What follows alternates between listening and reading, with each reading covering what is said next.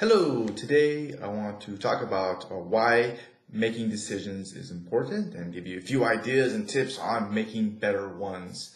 Now, before I get started, uh, down below there's a link, and if you click on it, uh, there's actually, you can view some of the top skills um, someone really needs to have if they want to make money online.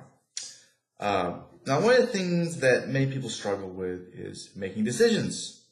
In fact, there's a term I really like, and it's called being half pregnant. And I like it because it just, I just picture it good. Where they, someone wants to have a baby, but they don't want to have a baby.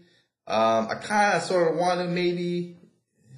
I have a friend who I just was talking about this too, where he's burnt out at his job. He hates going there, so he wants to quit so he's been doing this for a while now. He kind of wants to quit, but he doesn't want to quit. He got all his money saved and yada yada yada. But he's gonna put in a leave of absence. But if they don't take it, uh, he might stay, but he might quit. oh my god, drives me nuts.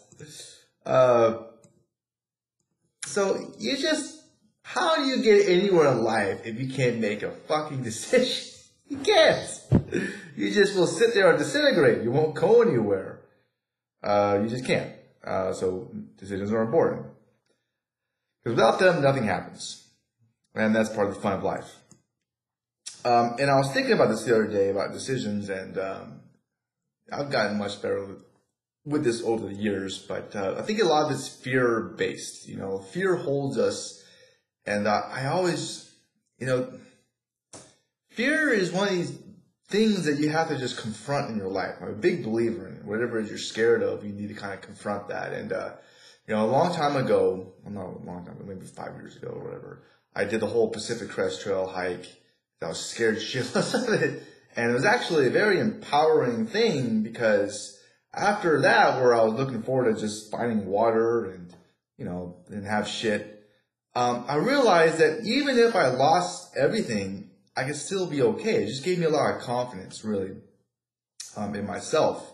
Um, so it, it's not like, you know, even if I do lose anything, it's not the end of the world. So I'm much more easier to just take risks. And some people, they're paralyzed by risk. They can't take them.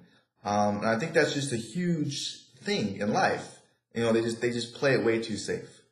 Um, so by facing fears, it's huge education um, more education that somebody will get than just you know studying at school. It's a different type of education. So I think it's big for people. Even yourself, what are you scared of? Uh, whatever that may be, then you know public speaking. Uh, are scared of what your parents might think or your friends. Then you know sometimes you just need to fuck up on purpose and let everybody think you suck shit, and then it's all upside. There's an example. Or you know, public speaking, and you need to do a lot of public speaking. But, but what my point is, you get over that, and it's really helpful. Okay. Uh, one of my favorite quotes, another one of my favorite quotes, is uh, if you try to chase two rabbits, you lose both of them.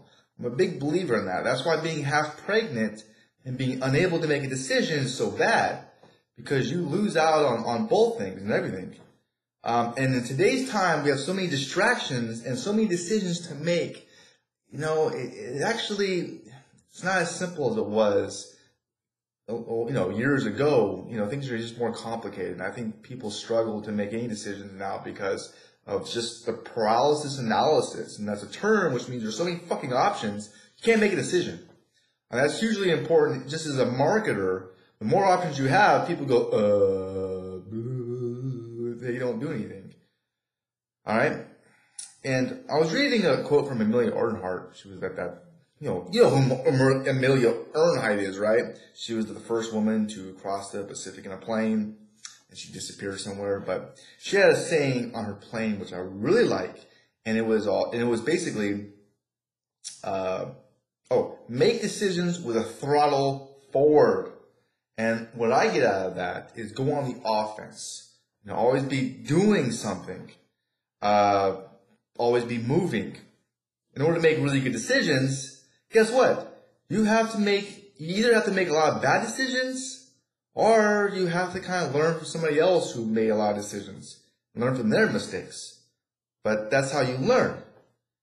Being pragmatic. Um, for example, Warren Buffett, everyone, you know, he's like the richest guy out there. Everyone thinks he makes these great decisions. They give him his money. Here, make good decisions with my money for me, right? He's the guy we look up to. That's, you know, he's a role model. But guess what? He learned from Ben Graham. And Ben Graham, well, he figured out the stock market pretty good with whole value investing strategy. However, he wasn't all, he was big in diversification. He never like stuck all his money into one stock like Warren did, like Coca-Cola or, or Geico or whatever. He invested in very lots of stocks. He only beat the market by 2.5%. But Warren Buffett, he took with his knowledge and added to it, and that's how he's able to beat the stock market. I think it was like 20% or something like that. And he basically got other people's money and just grew like a snowball. Um, and that's, you know, but here's the thing. He still makes a lot of bad decisions, Warren Buffett. I mean, he missed out on Amazon.com and all kinds of other crazy phases. And even his annual report, the first thing he talks about is his mistakes. Made a mistake, made a mistake, made a mistake, made a mistake. But still, he, he knows the system. He knows how things work so that, you know, he doesn't really invest in things he doesn't know too much about. Like cryptocurrency. I'll never mess with that. But, um, but that's the thing. So I'm a big fan of, of micro failures, if you can, but macro success. And that's another reason why I love sales so much because all you gotta do is get rejected. Big do. Woo, reject me. And um, once you know the numbers, it's all just math. Okay. So, uh, there you go. You gotta make decisions. Uh, so to sum everything up, uh, you got to make decisions to be successful, and you have to make a lot of bad decisions to make in order to, to learn from it, to make good, better decisions, or you have to learn from other people who made shitty decisions. Okay. Um, I hope you got some value from this uh, video or, or, audio if you listen on a podcast. I hope you liked it. If you did, please hit the thumbs up button. Um, if you are interested in making any type of money online, which is a good thing, because no matter what business you're into, you have to have some type of online presence. The most valuable lesson I've ever learned is it doesn't matter how many views you get on YouTube, likes, doesn't matter how many fans you have or whatever on social media, how many people view your blog posts or how much you know about social media. The only thing that matters is sales. At the end of the day, that's all that matters. People giving you money. Without that, you have nothing. Nothing.